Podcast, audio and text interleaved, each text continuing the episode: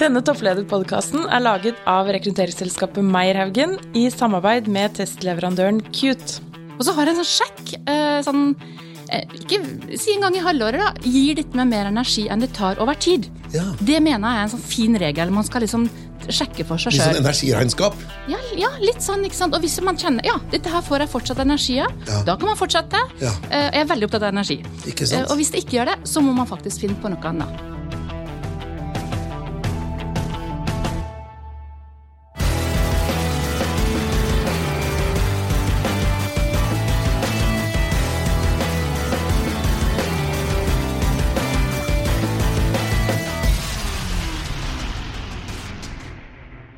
Sverre, i dag er vi virkelig heldige, for vi har fått med oss en veldig spennende gjest.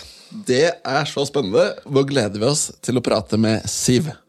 Ja, og Siv Gjellere Martinsen, hvem er du for de som ikke kjenner deg? Hei. Hei. Du, um, jeg er da administrerende direktør i Lindorf uh, i Norge. Og så er jeg også så heldig akkurat nå at jeg også er administrerende direktør i vårt søsterselskap Intrum i Sverige. Ja, Og det er egentlig det er samme eiere, samme Ja, bransje. er Så det er bare at du, du har vært så flink at de tenker ah, du gjør det så bra i Norge, så derfor vil vi bare få det til i Sverige også. Ja, kanskje det. Ellers så er jeg liksom eh, såpass glad i utfordringa at jeg takker ja til det som kommer. Kan være det òg, vet Ja, du. for Noen Ja. vil jo si at én topplederjobb er tøft, liksom, men du tok to, du, da. Jeg tok to. Ja. Ja. Men da betyr det at vi kan det. spille av denne podkasten to ganger, da, for det er jo egentlig to toppledere har her i studio. Kanskje det. Er det stor forskjell på Sverige og Norge, eller? Det er stor forskjell. Jeg vil si det, altså, Noe er selvfølgelig ganske likt, eh, men samtidig så er det jo forskjell eh, på kultur og på forretningsdrift og på det meste. Ja, Ja. vil si det. Og det skal vi komme mer tilbake til, men først har vi lyst til å bli litt bedre kjent med deg, Siv.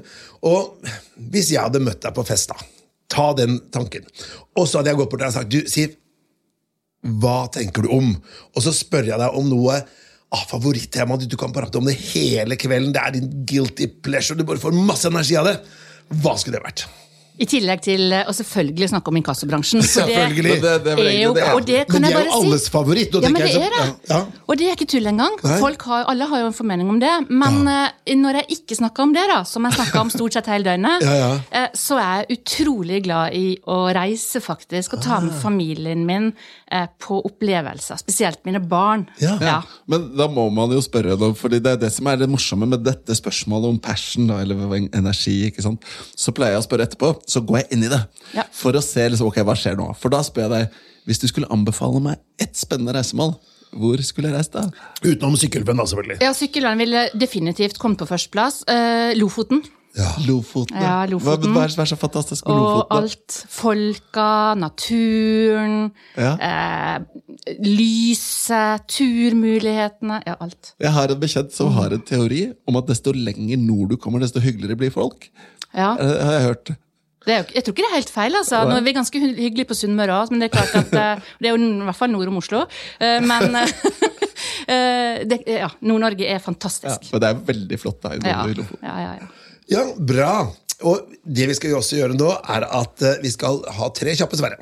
Ja, fordi på slutten av denne, dette lille opptaket så skal vi stille deg tre spørsmål som du skal få svar på. Vi introduserer spørsmålene nå, men du får ikke lov til å svare helt ennå. Og det første er hvis du skulle anbefalt lytterne en bok, og da kan du få lov til å velge selv om du går skjønnlitterært eller om du går faglitteratur, men en bokanbefaling. Spørsmål nummer to det er hvordan kan man i en travel arbeidsdag, og i dette tilfellet med to topplederjobber, egentlig, hvordan kan man klare å få til noe som i det hele tatt ligner på work-life balance? Eh, ditt beste tips for det. Og så har vi stille deg spørsmål nummer tre, og det er hvis du skulle stilt et spørsmål til andre toppledere, hva skulle det vært?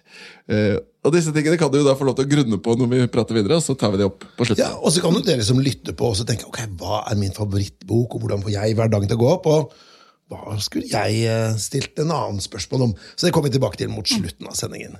Men nå skal vi da gå over til det som er hele hensikten for podkasten. Det er hvordan er det å være toppleder? Og For de fleste av oss så har vi bare lest om det, vi har hørt om det, har kanskje en formening om det, men du har da altså både én og to topplederjobber. Og hvordan er det å være toppleder, Siv?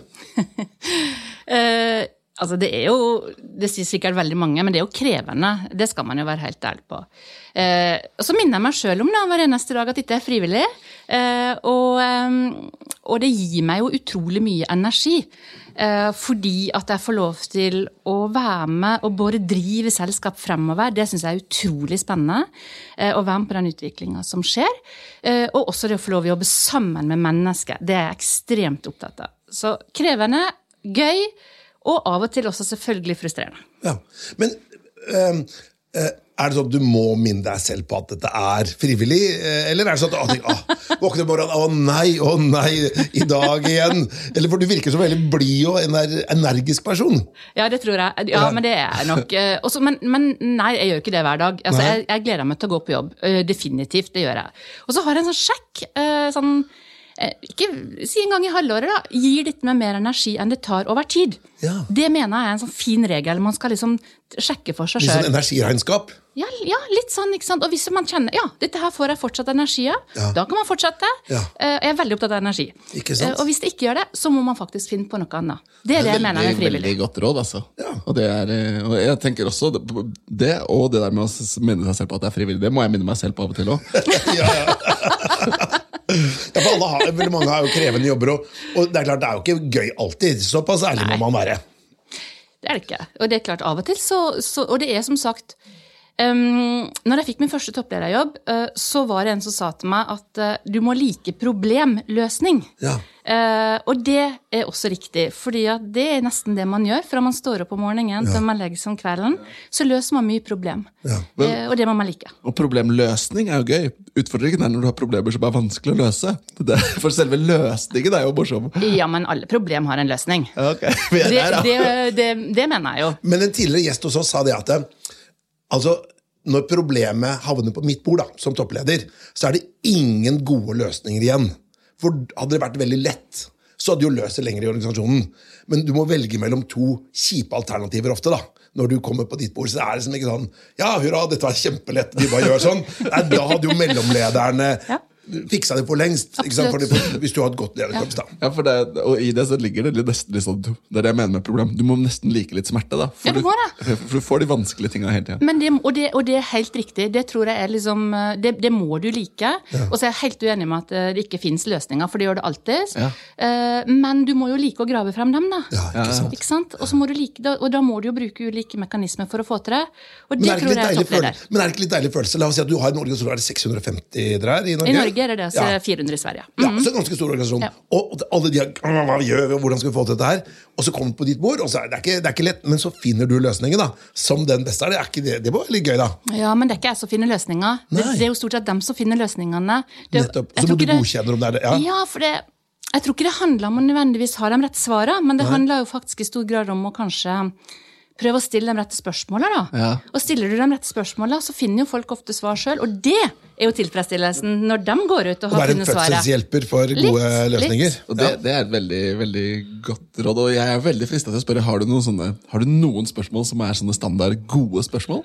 Ja, men, og så blir det, sant, og så må man være litt forsiktig, for det blir litt sånn klisjé. Men det er litt sånn, hva har du tenkt her? Ja, Eh, hvorfor har du tenkt det? Du må, disse, du må gjennom disse fem hvorforene, da. Ikke sant? Ja, for, å- for å Eh, tvinge dem til å reflektere. Ja, for å tvinge dem til å reflektere. Så jeg, har jo jeg, og, og jeg har jo ikke alle svarene, det, og det overhodet ikke. Men bare det at man setter seg ned, og ofte at, bare for, eh, at folk får lov til å si ting høyt. Ja, men vet du hva? Det der er så interessant. Jeg er jo gammel utvikler, programmerer, tech-hode, nerd. Og der er det et begrep som kalles rubber ducking. Ja. Og det kommer av at du sitter og programmerer noe, så er det noe feil i koden din, og du kan se på det ti millioner ganger, men du finner ikke feilen. Så var det en luring som satte en gummiand oppå skjermen, Ja. og så begynte jeg å forklare til Anna. Ja. For når du forklarer, så ser du løsningen. Nemlig. Så av og til så handler det bare om å si ting høyt. Ja. Eh, Og ha noen som lytter. Så jeg kan like gjerne være en sånn lyttepost av og til. Altså for folk. Og så- og Og så du bare sitter sånn, og så har de funnet på ja. for, for Ronald Reagan sa en gang da, at eh, det er ingen grense hva du kan få til hvis du ikke tar æren for det selv. Nemlig. Og hvis ja, ok, så tenker du, men du, du har en plan hele tiden. Du, de skal dit, men de får prata senere, så går de ut, og så tenker de ja, det var akkurat det du hadde tenkt Ja. å si. Og hva har du fått til da? Eierskap og forankring. Ikke sant. ikke sant. Men du, Vi har lyst til å prate litt om Lindorf også. For Lindorf er et selskap som mange har en, en relasjon til. De, eh, på godt og vondt, eh, må man kunne si. Ja. Og uh, få en sånn vinduskonvolutt i posten, jeg vet ikke om de gjør det lenger, men, uh, og hvor det står Lindorf på, så er det vel sikkert noen som får ikke sant? Mm. Hva, hva, hva, er- Fortell litt om Lindorf, og hva, hva skjer i Lindorf om dagen? Ja, øh, Hvis jeg skal begynne med Lindorf, da, øh, så er vi jo, vi er jo stolt. Vi er jo, vi er jo øh, Norges største inkassoselskap. Og det er i seg sjøl ganske viktig, for det som du sier, det er at veldig mange har jo både et forhold til oss, øh, på godt og vondt, men også en oppfatning av oss. Og det som vi er utrolig opptatt av, det er jo at flest mulig skal ha At vi skal ha et godt omdømme. For det det, det betyr, er jo at hvis du skylder penger, så tør du å ta kontakt. Og det er det aller, aller, aller viktigste. Fordi at når skyldnerne tar kontakt, så er jo vår jobb å prøve å hjelpe folk ut av et kortsiktig eller et langsiktig uføre som noen har kommet til. Uh, og det er jo det som jeg brenner aller mest for. Det er jo denne, dette samfunnsansvarsrollen som vi har, og ikke minst den rollen som vi spiller i finansnæringa. Som er utrolig viktig for at kredittmarkedet skal gå rundt. Ja. Så dere er liksom sånn oil on water Eller ikke oil ja, Oljen i maskineriet. Det var det jeg tenkte jeg skulle si. da, Ja. ja, på, en sånn, eh, på en sånn måte. Men hvis vi da skal si om Lindorf generelt at i forhold til distrupsjon, for det skjer jo mye i både betalingsbransjen, i finansbransjen og i inkassobransjen. Hva skjer hos dere i forhold til bransjemessige forhold? Ja, det skjer veldig veldig mye om dagen. Nå kom det et forslag til en revidering av ei 30 år gammel inkassolov. Den ligger på bordet nå. Eh, Og det kommer, til å, det kommer til å gjøre at bransjen kommer til å måtte endre seg fremover. Det har vært en litt sånn beskytta bransje, kanskje på veldig mange måter, og veldig mange aktører. Det er vel nesten 120 inkassoselskap i Norge, så vidt jeg vet. Ja, og det, eh, det kommer til å endre seg. Eh, Det som jeg håper, det er jo at bransjen skal bli mer profesjonell få et bedre omdømme, eh, og bli en respektert del av det å være en del av finansbransjen og være en del av den verdikjeden som det så innebærer å både gi og motta kreditt. ikke sant? Men Det er er, det hvordan- jeg opptatt av. Hvordan, er, det- hvordan tar bransjen imot denne mulige lovendringen? da? Altså, er det, hvordan, hvordan er følelsen Er det med åpne armer, eller er det med Nå kommer, det, nå kommer det, for dere podkastlyttere kommer det interessante ansiktsuttrykk her nå, som ikke kommer fram på Her skulle hatt en Det, video! det er ikke noe, sånn, det er ikke noe pokerfjes her. Nei, Nei. Nei, det tror jeg ingen kan beskylde meg for å ha pokerfjes. Jeg er nok ganske, ganske åpen og ærlig. Um, nei, jeg tror den, det, Lova vil garantert bli mottatt uh, ulikt. ikke sant? Fordi at uh, For noen så innebærer dette kjempestore endringer for mindre aktører i bransjen. Ja. Um, mindre det- inntekter, da? Ja, mindre inntekter. For dette gebyret, eller altså det du betaler i salær eller gebyr Mm. da, til selskapet, den vil jo bli vesentlig redusert. Og det er jo for så vidt bra for, for forbruker. ikke sant? Og, og det er jo noe av det som er viktig med den nye lova, er at den blir mer forbrukerorientert eller forbrukerretta. Det er ikke vi imot i det hele tatt. Eh, og så er jo jeg litt opptatt av at det må være balanse. Eh, vi må få lov å tjene penger, slik at vi også kan utvikle nye produkter og tjenester. Det syns jeg må være lov å si. Eh, men samtidig så har vi respekt for at, at vi kanskje har hatt litt for høye inntekter på noen type krav. Hva slags type krav kunne det de Ja, de små krava, vil jeg si. Altså, Hva er et lite krav for dere? Det kan jo være en bompengepassering. Det kan, det kan være liksom, hvis du får en liten eh, inkassovarsel på si opptil 1000 kroner eller noe sånt. Da, at, eh, at noen kan synes at da blir liksom Hvis du ikke betaler, så, så påløper det salær ganske fort. Ja. Stor at det prosent av bli- Ja, det blir det. ikke sant? Og da det er klart at det har vi forståelse for. dette høres ut som en lovendring som folk flest, hvis du tenker ikke bransjen, vil eh, ta imot med, store, med åpne armer og applaus. Ja, ja. Og, jeg så tror jeg, ja, og det tror jeg nok. ikke sant? Og så tror jeg man skal liksom forstå det at eh, det er en balanse her, da. ikke sant? Eh, her også, som i veldig mange andre bransjer. at det er veldig sånn forslitt uttrykk, men det som kan digitaliseres, automatisert, mm. det vil bli det. Men det andre de som virkelig har store økonomiske problem, eh, hvis du har liksom, da trenger du å snakke med noen. Slik at Rådgivning og personlig kontakt og det aspektet det blir, tror jeg, da, eh, blir viktigere og viktigere fremover. Men jeg, jeg må spørre om en ting. Har du noen gang hatt en inkassosak selv? Nei, vet du hva, jeg har ikke det. Har du fått inkassovarsel? Ja, Ja. Fra Lindorf? eller? Helt sikkert. Og så har jeg uh, Ja, og så i de siste to åra så har jeg liksom tillatt meg å få et par bare for å teste ut litt hvordan andre konkurrenter Ja, men det er Men Du, det skal jeg si neste gang også. Det er viktig og hvis du uh, kontakter meg du, Nå har jeg bare stresstesta dere litt. Grann. Jeg har masse penger, men jeg bare, da skal jeg bare stressteste dere. Ikke sant? Vi må følge litt med, vet du. Ja, men, fordi, ja, Ja. men jeg, jeg, jeg er helt enig, for vi driver ofte, ofte og søker på egne jobber. La oss si sånn, Bare for å teste ja, hvordan er brukeropplevelsen. Ja. den digitale brukeropplevelsen. Så det skjønner jeg veldig godt. Ja. Men um, Intrum, er det sånn at dere skal bytte navn i, i Norge, eller er det ikke tilfellet? Jo, vi, egentlig så Altså, Intrum-konsernet er jo 25 land. Eh, Og Norge er jo det eneste nå som fortsatt heter Lindorf. Ja, for det er en sterk markedvare, Ja, sånn men det er akkurat det. ikke sant? Og så skal vi bytte eller skal vi ikke bytte? Vi har vel ikke helt bestemt oss ennå. Eh, fordi det er klart at det, det er også en styrke, og det å hete Intrum i alle land. Eh, også med liksom, det å være One Company og hele den følelsen her. Og så må jeg liksom, jeg, Min jobb er å balansere det med den merkevaren som du sier, som Lindorf faktisk er.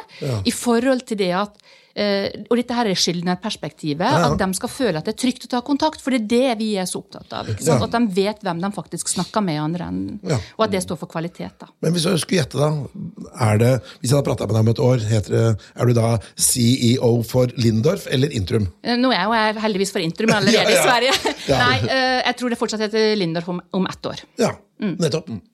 Men eh, hvis du skal tenke andre distrupsjoner i bransjen, da, hvordan, hvordan tror du inkassobransjen ser ut om la oss si tre, fire, fem, la oss si fem år? da, Det er Ja. jo litt tid.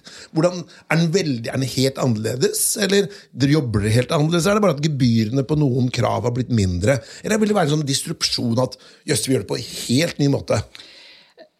Ja takk, begge deler, det er lov å si. For jeg tror eh, den rådgivningsbiten som jeg var inne på innledningsvis, den blir fortsatt gjeldende. Det er jeg helt overbevist om. Jeg, jeg nekter å tro at vi som mennesker har lyst til å snakke med en robot eller eh, betjene oss sjøl 100 Slik at den, det aspektet, det tror jeg veldig mange bransjer har på en måte overvurdert. Vi vil ha personlig touch med en gang det skjer til. Ja. Den delen vil vedvare. Eh, og så tror jeg som, at eh, innenfor andre områder så vil vi bli mer digitaliserte, naturlig nok. Eh, Verden går fremover, og vi vil få mer selvbetjente løsninger. Ja. Slik at de av oss som bare er litt sløve, som glemte den der bokklubbregninga i en eller annen gmail som vi egentlig hadde glemt at vi sånn som hadde, meg. sånn som eh, mange av oss, eh, vi vil få så mange påminnelser at vi får ikke inkassokrav lenger, ikke sant, eller varsel heller. Fordi at eh, vi, vi vil bli minnet på det via VIPS eller hva det måtte være. Sant? Og jeg har faktisk, jeg ble veldig positivt overrasket en gang. Jeg har blitt ringt opp av et Ja. selskap som sa du, jeg bare sier fra liksom, nå, nå er det sånn og sånn. og sånn og, og Jeg ventet jo at du skulle si at ja, nå har du, skylder du masse penger som du ikke var visst over, men det var en sånn early warning. da. Ja. Personlig. Veldig Nemlig. high touch.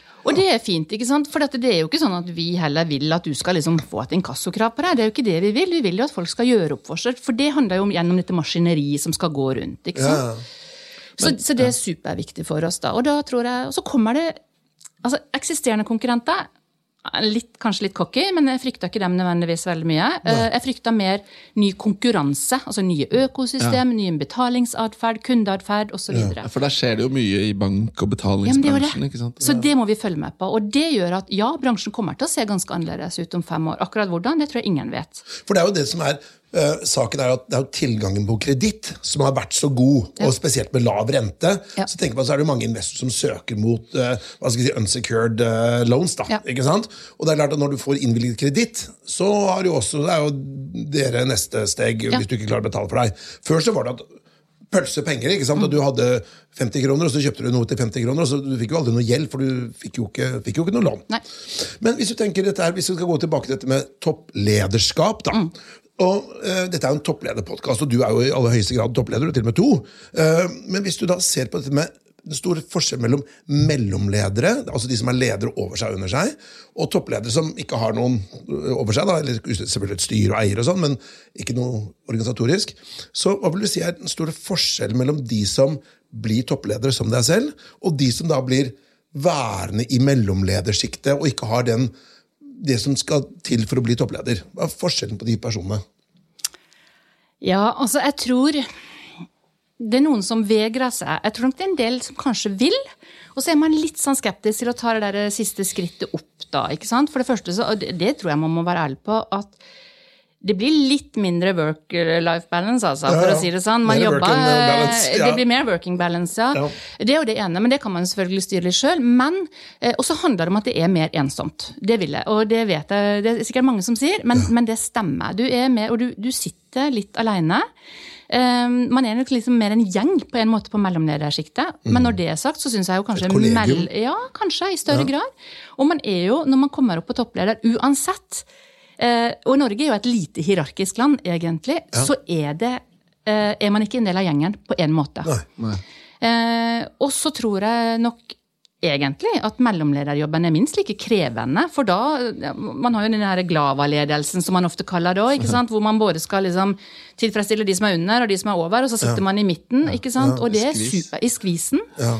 Eh, mens på toppleder så er det andre typer utfordringer. altså Krav fra eierne, krav fra det det måtte være. Men, men det er jo eh, når, vi spør, når vi stiller dette spørsmålet, hva skiller de? Så er det jo mange som snakker om det du sier, at det krever noe mer. Altså, og noen kan vegre seg for det, men jeg vil jo, min påstand da, det er at jeg tror det er plenty av mellomledere som har lyst til å bli toppledere, men som ikke får muligheten. For det er jo ikke ja, jo. nok stoler. da. Nei. Så hva, hvorfor tror du du endte opp på toppen av organisasjonen? da? Ja, det er jo et godt spørsmål. Um, altså, nå er det veldig mange som sier sånn at ja, det var litt tilfeldig. Altså, Jeg har faktisk hatt lyst til å være toppleder jeg, i mange år. Er helt Altså, fra du var liten, eller? Ja, Kanskje nesten fra at jeg var liten. Dette er veldig gøy. Jeg tror du er den første som i hvert fall innrømmer Er det. det Jeg, for det er, det er ikke så mange som har sagt det, men, men jeg tror nok det er mange som har tenkt det. Ja, Som har ambisjonene definitivt å kunne se seg i den Jo, rollen. men, jo, jo, men jo, jeg har faktisk det. Altså. Jeg tror liksom nå er jeg jo vokst opp også i bedrift jeg hvor jeg Mm. så på liksom det med ledelse som ganske sånn naturlig, og har liksom vært eldst. i- Sant? eldst det var Gjellegjerdemøbler. Gjellegjerdemøbler, ja, Ja. på Sunnmøre. Eh, slik at jeg tror liksom det med lederskap kom liksom naturlig inn for meg ganske tidlig. Um, Sånn at jeg har liksom egentlig syntes at det har vært litt fascinerende, og har hatt veldig veldig lyst til å prøve meg på det ganske lenge. Så ikke det er sånn at jeg liksom da har gått automatisk liksom rett oppover. Jeg har beveget meg veldig mye i bredden for å skaffe meg liksom breddekunnskapen før jeg har gått opp. Men, men jeg tror ikke Jeg er litt usikker på om jeg tror på dem som sier at det, det var tilfeldig. Jeg tror ikke på det, altså. Men, men og det er et veldig godt, godt poeng, men, men hvis vi følger den litt, da. En ting er liksom at du har tenkt ja, men jeg ser for meg, jeg har lyst til å gå lederveien. Men så hadde du sett for deg at det skulle være innenfor inkasso? Eh, nei. det, nei, det hadde jeg nok ikke. Så der var det Det er ikke altså. så mange som tenker at jeg skal bli skal pengeinnkrever. bli, eh, jeg skal bli inkassosjef. Nei, det, nei, jeg hadde ikke det, altså. Uh, Nå har jo jeg jobba i finans hele mitt liv, da. Ja. Uh, Sånn at jeg følte liksom ikke at det var Altså, fra bank til inkasso var ikke så stort skritt, men, men, men det er jo for så vidt det. For det er jo den andre siden av, av um, finansbransjen, da, på mange måter. Ja. Så det var kanskje litt tilfeldig. Men da, Nei, men, Sverre. Nå. Men hvis du skulle gitt et råd da, til de mellomlederne, enten i Lindorf eller Intrum-systemet, eller generelt, som hører på den podkasten og tenker åh, jeg har lyst til å bli toppleder, hva vil du si er hvis du skulle gi ett godt råd da, til de mellomlederne? og si at hvis Dere må i hvert fall gjøre dette for å ha mulighet, eller i hvert fall ha det, eller hva skulle det vært? Ja, men jeg tenker, si det, da, til noen. Fortell også Ja. at du har ambisjonen om å bli det. Uttal ambisjonene dine. Ja, og, og, og, og så er det veldig mange som sier at ja, men jeg gjør en så god jobb som mulig, og så er det helt sikkert noen som ser meg. Eh, kanskje, kanskje ikke. Ja. Eh, ikke vær så innmari. Det er litt sånn norsk, og så tenker de at ja, men bare jeg går på jobben og gjør det beste jeg kan, så blir jeg plukka opp. Jeg Verden er ikke så rettferdig. Nei, nei, verden er jo ikke rettferdig. Den er jo ikke det. Og da tenker jeg at uttrykk og uttal at du har disse ambisjonene, og be sjefen din eller lederen din om å faktisk hjelpe deg på veien og fortelle hva, hva de mener skal til. Du velger jo lederen din. Eh, og, og jeg mener jo en god leder også uh, har jo et ansvar for å utvikle medarbeidere. Det, Selv om det er den jobben For hvis du er topp, En ting er hvis du vil bare rykke opp et par steg, så kan det være greit, men jeg skal bli toppleder, så er det jo den lederens kanskje jobb. Eller, Ja, men jeg spør folk om det som kommer til meg. Har du lyst på min jobb? Ja, sier noen. Så tenker jeg, Det er jo veldig kult. Ja. Uh, og min jobb er jo også å sørge for at jeg har gode etterfølgere etter meg. Uh, ikke sant? Jeg tenker sånn, eh, Fra et rekruttererperspektiv, vi, vi sitter jo veldig mye med dette med liksom, hvem er det som får jobben og hvorfor, så opplever jeg at det interessante med det du sier, da, det vi vet er at motivasjon er jo ekstremt viktig. At du må ville. Ja. Men spørsmålet er hva vil du? ikke sant? For det er forskjell på å ville jeg vil lede for å lede, versus jeg vil lede for å få til noe, eller for å bety noe for Ja. noen. Som er jo det, Hvorfor vil du lede som er viktig, da? Absolutt. For det ser du annet for politikere. da, ikke sant? De som absolutt vil bli politikere for eller bli statsminister da, for å kunne få landet i en riktig retning. sånn som de synes, Og så er det noen som bare vil for posisjoner. Og, det er, og jeg syns det er ganske lett å se hvem som er hvem, da. Ja. Og jeg tror hvis du vil lede for å lede, så blir du ikke leder så veldig lenge. Nei, eh, ikke sant?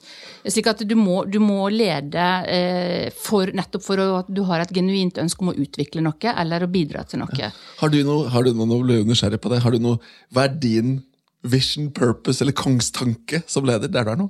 Jo, og, og derfor så syns jeg liksom, det å lede, få lov til å lede Lindorf akkurat nå, synes jeg er fantastisk spennende, nettopp fordi man går gjennom en liksom, brytningstid i inkassobransjen. Og det å kunne liksom se tilbake om tre år, da, og så sier at se her, nå er vi faktisk enda mer bærekraftige, enda mer sterke, og komme oss gjennom den endringa på en fantastisk måte, Ja. uten å bli fett and lazy som markedsleder, da har jeg lykkes. Ja. Men nå skal vi prate litt om den der toppledergruppen din. Ja. Så når du da tenker at å, jeg har en, sikkert en veldig fin toppledergruppe i dag, Mm. men, men alle som kommer inn, de vil gjerne gjøre noen endringer. eller sånn. Men hva, hva ser du etter når du skal sette sammen toppledergruppa di? Hvem er det som både sammensetning, men også når du skal rekruttere til toppledergruppa di? Hva er det du ser etter? I både enten av personlighetstrekk eller evner eller ambisjoner? Ja, øh, altså jeg, I og med at jeg har liksom to jobber også, så er jeg utrolig opptatt av å bygge det som jeg kaller liksom et, robust team. Eh, det er det viktigste for meg. Eh, og i det så ligger det nettopp at jeg må ha personer som er relativt selvstendige, som tør å ta beslutninger. Jeg er utrolig opptatt av at folk det er, farlig, altså det, er, det jo farlig hvis du tar feil beslutninger hver gang, men, men ta beslutning og, og flytt deg fremover. Eh, og da må det være, Og så vil jeg ha en god sammensetning. Eh, I min ledergruppe nå så er det eh, 50-50 med kvinner og menn. Det er jo litt sånn eh, i tiden selvfølgelig også, men det er viktig i seg sjøl. God sammensetning på alder og ulik type erfaring. Eh, og det vi er litt dårlige på, det er å ha andre kulturer inn. Og det burde vi hatt eh, i ledergruppa i Lindor, fordi vi Organisasjon eh, har mange kulturer i seg. Det, så det, det mangler. Men, men jeg prøver liksom å sette det sammen bevisst. da. Med, Men ville du noen gang kompromisset La oss si, i hvert fall det med mangfold. Da, det er mange dimensjoner. Det er, det er kjønn, Mm. Ja. det er kultur, det kan være legning, det kan være handikap, det kan være liksom Mm. mange variabler. da. Men ville du noen gang kompromisset på la oss si, faglig kvalitet for å få inn en, en gruppe du ikke hadde fra før av? Men hvorfor skulle jeg trenge det? Nei, men la oss ikke Jo, jo, men det, er- det er problemet i hvert fall innen finans. da. Hvis du tenker kvinner, eh, bare ser sånn i, I vår gamle jobb i Norges Bank, da, så er det da som skal bli ny eh, sjef for eh, oljefondet, der var det bare menn i den søkelista. da. Ikke sant? Og, og da tenker jeg at Um, vil man da, La oss si at det er en person som ikke er så flink. Ville du gjort det hvis du skulle valgt ny sjef for oljefondet? Nei, men Jeg er helt uenig med deg. fordi at, ok, Så var ikke det søkebunken, så får du gå ut og finne den kvinnen. Da, hvis det er det du vil ha. fordi at eh, Jeg tror ikke på at ikke du kan finne enten en kvinne eller en ung eller en eldre som har samme type faglig, men du må kanskje bare leite litt mer. Så disse her som sier at ja, men det var ingen som søkte, eller eh, vi får det ikke til. Jeg tror ikke noe på det. Da er, du ikke bare, da er du ikke bevisst nok. Nei, Så hvis du var sjef for den rekrutteringen, så hadde du bare sagt at det, gå ut og finn en eh, kvinne som skal være sjef for oljefondet? Ja, Hvis det er viktig, så ville jeg gjort det. Ja, du finner jo det. Så er det jo noen som, det er jo noen som spør om jeg vil gjerne ha 50-50 på shortlist. Til oss, da, som er Ja. bestilling. At vi vil ha en balansert Ja, ja, ja, ja. Jeg er jo helt enig i at det fins jo flinke folk av alle grupper der ute. Mm. Men det er færre, da. Det kan være, kan være færre. Ja, det kan være færre, Ja. men, men, men det, jeg blir litt provosert av dem som, som liksom sitter i toppledergruppa og sier at ja, men vi har prøvd. Nei, det har du ikke. At, Da har du ikke nok, eh, Da har du ikke prøvd godt nok. Fordi at det er bare tull. At ikke det fins både ja, kvinner som vil. Eh, kanskje noen må hjelpes litt, eh, og satses litt på. Men altså Når det kommer til dette spørsmålet, så er du litt sånn. Yoda i Star Wars. Ja, ja. Do or do not, there is no try. Nemlig! Ikke så, ja, men er du ikke litt enig, da? Jo, jo, jeg er helt Ja. enig. Men, jeg, jeg, men jeg må spørre, vi snakker om diversity, så ender Ja. vi opp med å snakke om kjønn og legning eller, eller kulturell bakgrunn. Men i dine toppledergrupper, Mm. har du flest personer som tar avgjørelser med hodet eller hjerte? Jeg håper jeg har en god kombinasjon, men jeg er jo litt opptatt av at når vi tar beslutninger, at vi tar det på basert på fakta. Eh, og så tror jeg jeg har litt sånn tro på intuisjon, det er ikke det, altså. Eh, I hvert fall for å få speed. Jeg er jo litt sånn eh, speed before perfection, eh, Ja. kanskje av og til. Eh, ikke i alle settinger, men, men for å, nettopp for å få fremdrift. Eh, og det trenger vi den store, de raske endringene som skjer i samfunnet rundt oss. Eh, men vi kan ikke bare ta beslutninger basert på følelser. Det går Nei. ikke. Nei, det går ikke. Men hvis vi tenker at eh, når du rekrutterer, da La oss si at øh, dette er jo et rekrutteringsselskap, så vi er alltid interessert i å høre lære av de beste også. Men hvordan, når du skal rekruttere til noen, la oss si til ditt lederteam, da, hvordan liksom går du fram da? Hva er liksom det viktigste? Hva er det viktigste du liksom, å, dette må de i hvert fall ha, eller dette er en metodikk du, du liker spesielt godt? Og nå, hører nå kommer jeg til å snakke litt mot meg sjøl. fordi at, eh, det er klart at vi har en kravspekk. ikke sant? Og det er liksom, Du må tilfredsstille eh, noen sånne kompetansemessige ting som skal ligge i bunnen. Uh, og så tror jeg, og det mener jeg også, at man gjør seg opp en oppfatning om et menneske veldig, veldig fort. I løpet av første minutta så har jeg liksom tenkt ja eller nei. Nesten. Og så går jo resten av tida med på en måte forsvare eller forsterke ja eller nei-er. Det er litt skummelt. Ja, man- conformatory bias kalles ja, det. Det er helt vanlig. Ikke sant? Og, så, og da, da hører jeg at jeg sier nå at jeg tar jo kanskje litt mye beslutninger basert på magefølelsen når jeg skal rekruttere, men samtidig så forventer jeg da at det mer formelle er på plass allerede. Da. Det har jo rekruttererne allerede sikra. Ja, ja. Og, da går det, og for meg går det mye på kjemi. for at når jeg bygger lederteamet også, Vi må nødt til å ha det gøy sammen. Jeg er relativt opptatt av å ha det gøy på jobb. altså. Eh, og da må kjemien stemme.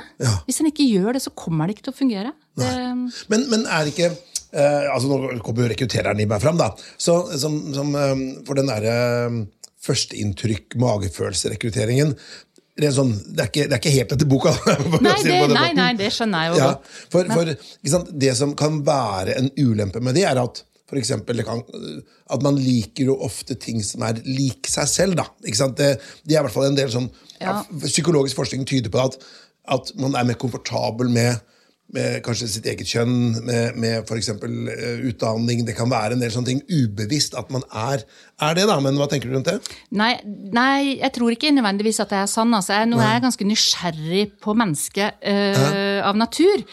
så så er jeg nok mer sånn når jeg tenker på en sammensetning av ledergruppa, så tenker jeg ok, nå har vi for eksempel veldig veldig mange eh, som bare gjør eller gjennomførerne. og Ja. du vet, ikke sant? Og de- der er jo jeg, er jo en av dem. Ja. Eh, Og da trenger jeg jo noen som holder meg tilbake. Ja, ikke sant? Og jeg trenger litt den der stein i skoen, ikke sant? som egentlig er litt irriterende, men som jeg, jeg forstår og jeg vet eh, er, er viktig. Og da kan jo det være det jeg ser etter eh, de første fem minuttene. Så det, og det er jo ikke likt med det hele tatt. Så det handler ikke om det, men det handler om å ha et bevisst forhold til hva man skal se etter i de ulike rollene, som gjør at du utfyller hverandre i et lærerteam. da. Jeg synes Det kan være en god overgang, eh, Sverre. For vi har et samarbeid med eh, testleverandøren Qt. Og de har da en test som heter Shapes Executive. Som de da på en måte ser litt på dette med personlighetstrekk, som lader spesielt på toppledelse. Ja, og, Så vi skal snakke litt om personlighet. Eh, og da har vi lyst til å spørre først, Siv. Hvis du skulle beskrive deg selv, da, som, hva, hvordan er din personlighet? Oi. ehm, jeg tror jeg er um, veldig ærlig, åpen og direkte. Eh, mye energi. Det ser vi i hvert fall. Eh, og entusiastisk. ja. Ja. Og så tror jeg jeg er genuint opptatt av mennesket.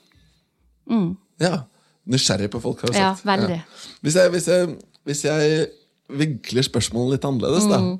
eh, og hadde spurt, eh, hadde spurt eh, din nærmeste venninnegjeng, da, for eksempel. Ville de sagt noe annet, tror du?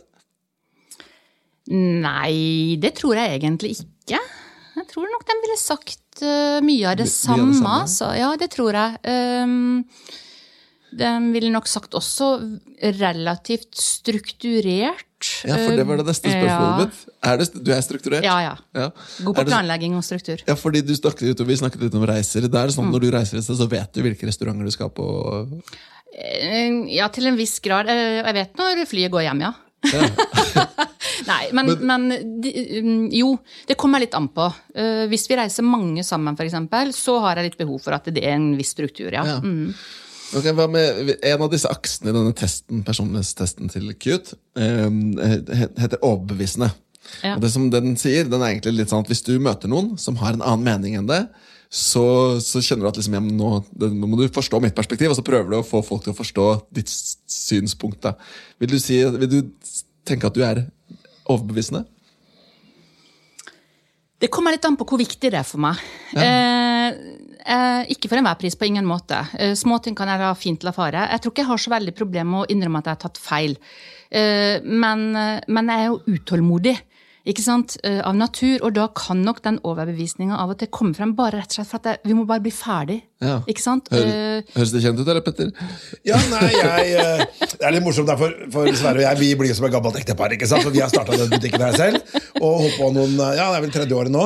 Og, og Det er klart at det, det kan godt at vi ikke er så veldig forskjellige, men det, det er jo refleksjon av hverandre. da. Og jeg, jeg kjenner meg jo veldig godt i det, det du sier, er at det, ja, det, altså, det bør ikke være perfekt, men vi bare få det unna, og så move on.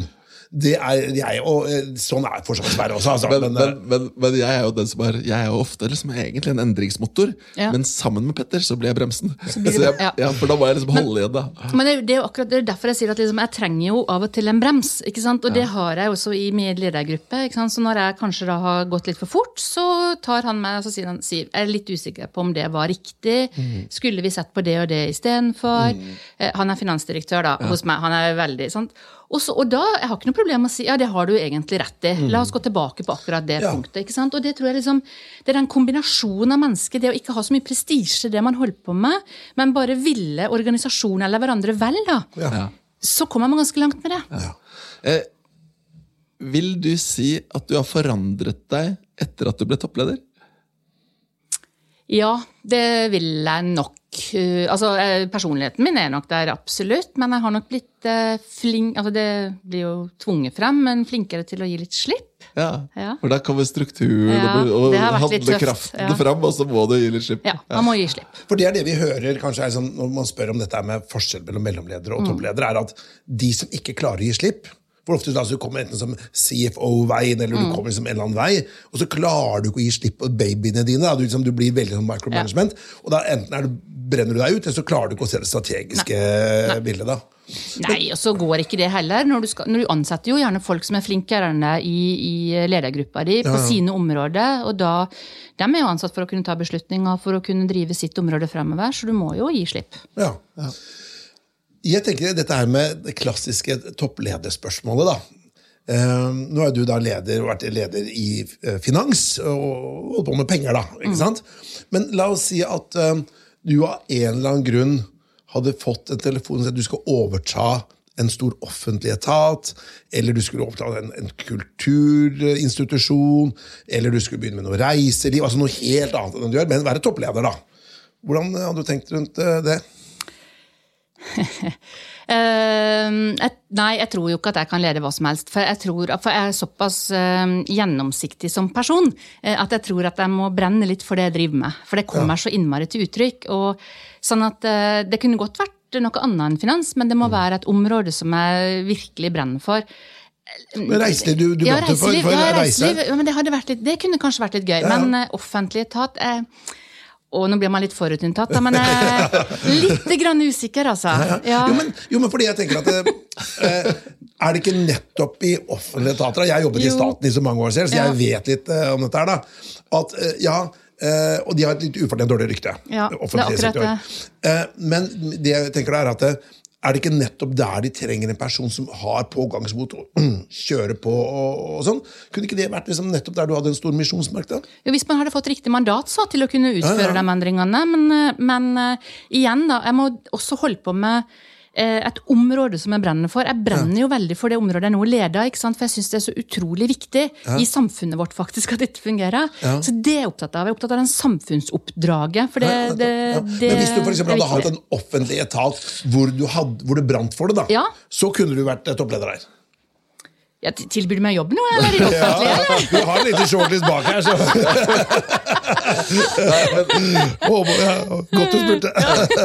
Men jeg tror da jeg har en teori om deg. eh, Og det, er, og det er at jeg tror du kan brenne for ganske mye. Ja. At du kan finne motivasjon, finne det, den nysgjerrigheten du har Ja. snakket om. Den tror jeg du kan gjøre at du brenner for ganske mye. Ja, ja, og det tror jeg også. Og, da, og igjen så handler det jo veldig mye om mennesker. Har jeg de rette mennesker rundt meg som vil, eh, og vi har det gøy på jobb, og vi kan liksom få ut energi, og vi kan liksom jobbe sammen, så, så tror jeg nok det. Mm. Så hvis vi, hvis vi drar, drar dette inn til non-profit, da Ja. eh, Ja, så Hvis du for eksempel hadde da fått en telefon fra Sverre Haugen da, at du, vi skal ha en ny sjef i et eller annet sånn non-profit, eh, eh, som du brenner for, da. hva skulle det vært? da? Ja, vet du hva, nå fikk jeg, eh, Det er ikke så innmari lenge siden så fikk jeg spørsmål om et styreverv faktisk i en sånn type organisasjon.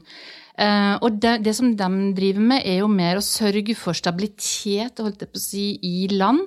eh, og sørge for å jobbe sammen med regjeringene i disse landene. Disse driver jo faktisk da med solcellepanel i gaten, i hovedgaten, for at eh, både bedrifter kan holde lenger åpne, for at kriminaliteten skal gå ned. Den type organisasjon, det syns jeg er utrolig spennende. Nå hadde jeg dessverre ikke tid til å takke ja til den, men det er en samfunnsverdi. ja, det var samfunnsverdien igjen. Og jeg var inne og møtte dem, og jeg kjente bare at dette her er så givende. Dette kunne du gjort hvis du hadde det, tid. Det kunne jeg gjort. Det kunne jeg gjort. Det kunne jeg definitivt gjort. Og jeg har en søster som også jobber i Flyktninghjelpa. Eh, nå er ikke det non-profit, da, på den måten, men likevel det å jobbe med den type ting. Mm. Men det må ha et samfunnsaspekt ved seg. Det er utrolig viktig for meg. Ja. Så bra. Men nå kommer rosinen i pølsa, Sverre. Skal vi ta de tre kjappe? da? Ja, jeg tenkte det. Ja. Uh, og de, de ble jo introdusert i starten. Ja. Og nå har du fått tid til å tenke, hvis du, hvis du har tenkt mens du har snakket. i hvert fall.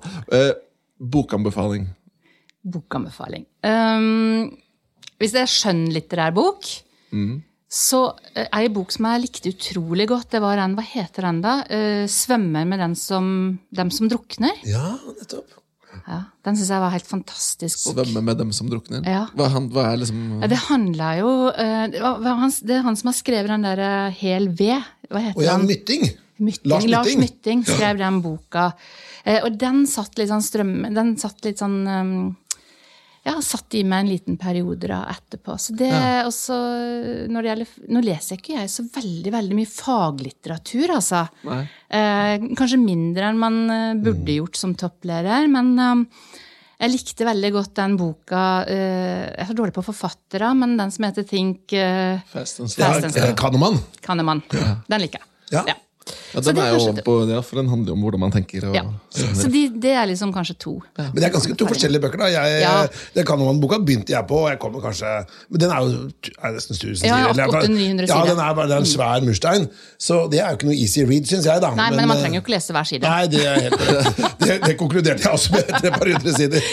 Så, så det også er litt sånn, så, men det er litt sånn periodeleser. Ja, Ja. ja. Men um, du er periodeleser, eh, og du har da en to topplederjobber. Mm. Hvordan klarer du å få endene til å møtes? Hva er ditt beste tips til lytterne for å få til work-life balance? Ja, og nå er jeg sikkert ikke verdensmester i akkurat det eh, for øyeblikket, men um, det går jo tilbake til litt dette med at du må uh, være god på planlegging og struktur. Uh, og så må man bli ganske god til å si nei etter hvert. Uh, og så jeg eh, om fritida mi. Jeg har blitt utrolig kynisk på hvem og hva jeg bruker tid på eh, privat. Men hvordan, hvordan, eh, hvordan verner man om fritiden sin? Jeg jobber ikke fredag kveld og ikke lørdag i utgangspunktet. Eh, og så jobber jeg søndag ettermiddag kveld. Det gjør mange. Eh, men, og det er litt sånn bevisst. Eh, og, så, eh, og da vi eh, da drar vi gjerne på hytta. Eh, Det er liksom litt sånn Det er fristedet? Ja, det er fristedet. Definitivt fristedet. Men har du lagt inn i kalenderen, eller Ja, blokka det, ut? liksom? Ja, og så er jeg veldig eh, Jeg har en fantastisk assistent som blokker tida, og så ødelegger jeg dem å legge inn ting, for jeg er veldig flink til å si ja til altfor mye ennå, så jeg er jo ikke så god på det neie. Så du jobber for Du sa jo det? at du blir med i den podkasten her, og det er vi glad for. Da. Men jeg sier jo ja til alt som er gøy, ikke sant? Ja, Eh, og det også gir meg jo energi, men jeg er litt sånn opptatt av å si ja til ting som gir energi. Og, og så tror jeg liksom man må igjen da, sjekke av en gang i halvåret. Eh, går det, er familien der? Funker fortsatt nøkkelen i døra, og de tar mot dem med åpne armer? Eh, eller gjør den ikke det? Eh, og så må man ta noen sånne valg i For det hadde vært et hint. Det hadde vært et hint, ikke sant? Eh, Og jeg har heldigvis en fantastisk mann som eh, stiller opp, og, som, eh, og, og to barn som begynner å bli større, så det går jo bra. Ja, men det er bra. Du, Siste spørsmålet. eh, Det er Hvis du skulle stilt et spørsmål til andre toppledere, hva ville du, hva ville du stilt spørsmål til dem om det? Kanskje jeg skulle stilt det samme. Hvordan får dere til work-life balance? Det er jo et spørsmål, men jeg tror også um, Jeg tenkte litt på at litt det her med bærekraft og sustainability og det som er så utrolig inn i tiden å snakke om, da. Eh, det er jo ganske lett hvis du driver med flyfart eller med et produkt, holdt jeg på å si, på den måten der. Men for oss som driver med, med humankapital og eh, er mer sånn kunnskapsbedrift, så er liksom hvordan løse toppledere den delen eh, av, av jobben som er viktig også for våre kunder. De stiller jo spørsmål om dette. Eh, og viktig i både omdømmebygginga vår og vårt rykte. da. Det er et godt Det er spørsmål. av- Det kan vi ta med inn til neste leder skal vi gjøre. for Vi kan ha det som en, sånn, eh, en stafett da, til neste. Så, eh, men du, jeg syns det var fantastisk spennende å høre på deg, Siv. Og det jeg liker spesielt godt med deg, det er jo at du liksom du er så energisk, og du virker så blid. Og så ser jeg jo at bak det blide, energiske, så er det en superstrukturert, strategisk eh, toppleder. Og det er nettopp den der, der kombinasjonen der. da. Og Det er det jeg tipper eieren her har sett, at her har du en sånn kraftpakke som kan bare, ikke bare smelle gjennom huet gjennom én vegg, men to, som både i Norge og Sverige. Så jeg må si at det var en glede å ha deg i studio. Og Tusen jeg takk. lener meg på det samme og sier tusen, tusen takk. Takk for at dere fikk komme. Har du innspill eller kommentarer til denne podkasten, kan du sende en e-post til toppleder at meierhaugen.no.